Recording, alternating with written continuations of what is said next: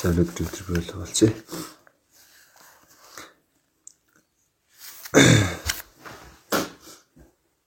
За би энэ цаг зайлбаря.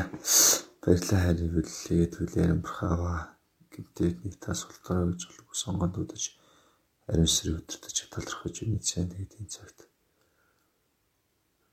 таны үнэс юмсаа босоод эсвэл сүлийн өгүүлэлтэнд орох боломж өгч талархаж үний цаан та тэгээд таны үлийн өгүүлэлтэд дамжуулан эзэм таны үгийг сонсохоор бас боссон хүмүүстэй хамт байж бас аримсрын өдөртөж хүчж хүч цай тэгээд таны үгийн сонсноор таны үгийг дагуу бас амьдч таны хүнээс эзэм нэг ч болтох бас зүйлс ойлгож чинь бас амьдралдаа хэрэгжүүлж бас дагдаг.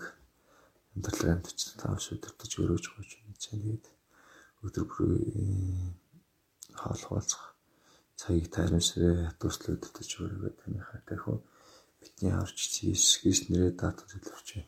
Амен. Ариун ба өмнө эцэстэн та хэдий хүртэл чухал зүйл илчлээ. 6-гийн 9 сар түүний тав дахь лацгийг бүхэд бурхны үг ба өөртөө сахиж байсан гэрчлээс болж алагч хүмүүсийн сүнс тахлын ширээн төр байхыг би харва. Тэд чанга дуугаар ариун ба өмнө эцэстэн та эцэг хүртэл шүүхгүй газар дээр нутаглах ёстоос бидний цусны өшөөг авахгүй байх юм бэ гэж хашгирч байгаа. Хашгирч байлаа. Баярлалаа миний өдөр бид хөлийг зөвшөөрөв гэж бодлохож байна. Тэрнээс хамт байж өөрөө нэг сөрөглөгч дүрмөртэй нэгдүгээр ишлэлийг үзвэл хурагт долоон лачны нэг гэвдгийг би харваа. Эхний лацыг нээж байгаа 7 жилийн гамшигын үеийн эхлэл гэж ойлгодог урд өмнө үзэгдэж харагдаагүй зовлон шийтгэл гисгэл бүхий ирээдүг буюу энэхүү гамшигын үе нь Христийн хоёр дахь ирэлтийг саналдаг. Эхний дөрвөн лацыг идэхэд дөрвөн мөртөө гарч идгээ. Эхний цагаан мөрхн нь Христийг эсэргүүцэгч энэ бүхнийг мэхлэж энэ бүхнийг мэхлэж бөгөөд ямар нэгэн тулаангүйгээр олон хүмүүсийг мэхэлж Христ тэглэсэн нь уруулахыг төлөвлөж байна. Хоёр дахь лацсан улаамэр энэ аллах хэдлэг дайн дэж аим шиг төгтлийг төлөвлөж байна. Гурав дахь лацсан хармэр энэ нь аим шигтэй хөсөглөн өсөглөн төлөвлөдөг. Дөрөв дахь лацсан цайвар ногоомор үнийг өхөл хэмээн нэрлэдэг. Аим шиг сүйрлэгч аим шиг сүйрлэгч дайн дахин өсөглөн Хөл хагцал өвчин зовлон арга тамхитыг бэлэгцэн энэ шийтгэл үлэмжинд очир хүн төрөлхтний дөрвний нэг нь халагдах болно гэдгийг зааж байна. Хожим энэ дэлхийд юу болох талаар төссөн төсөлсөн эцэгт энэ дэлхийн бурхнаа шүүгдэж төсгөл чадахгүй юм гэдгийг анхааруулж байна. Мөн одоо байгаа нөхцөл байдал нь бурхныг товлсон цаг төгөж байна гэдгийг бидний ном дээр гарч байгаа зүйлтэй холбож ойлгох хэрэгтэй. Тиймээс бидний хийж хийх ёстой зүйл нь юу вэ? байгаа аханд ус хамт усаатай оюутнууд яс нөхдөд Христийн сайн мэдээг хүргэж чадсанаар энэ хүн аимшиг төлөв явдал ирсэн ч сайн мэдээнд итгэж Христийг өөрөө аврагч хүлээн зөвшөөр зөвч түүний өмнө гимсээр байвал энэ болох хүчсэн ч сүнс дотор амьд очир шимсээр сүнсээр амьдрах болно гэдгийг зааж байна. Тиймээс таны үгийн сануулгыг өдөр бүр санаж үгийн дагуу дуулах төрөлтөнд амьдрах болно.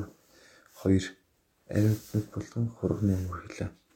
9 дугаар ишлэлийг үзвэл түүнийг тавдглаа цэг өвдөх үед бүрхрээ үг болон өөртөө сагсан гэрчлээс болж алдагдсан хүмүүсийн сүнснүүдийг тэхлэн ширээн дээр бахыг би харав тав дахь лекцийн нэгэд яагаад ингэж юу болж байгааг харсаа.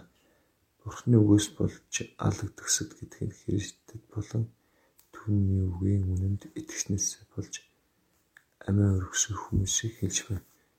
Мөн тэдний дахин хэсэг зур тавьчих ёстой гэж хэлсэн чинь өөр олон хүн итгэлийг төлөө алгах ёстой.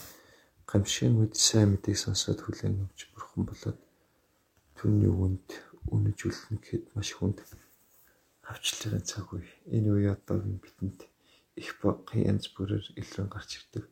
Харин хавчлах зовлон өхлийг ялан дэлхийн хэржтэй хувьд мөнхийн амиг өвлөгч болох тул эдгэлжтэй үгийг авч амьдрахгүй бол энэ дэлхийг та өөрийн хүч чадлаар эсэргүүцээд дийлэхгүй болохоор эзний амьд бидний дотор байснаар эзний үгээр хүчээр тэр бүх яралт ирэх болно гэдгийг тэр бүх яралт ирэх болно гэдэгт амьдрах хэрэгтэй.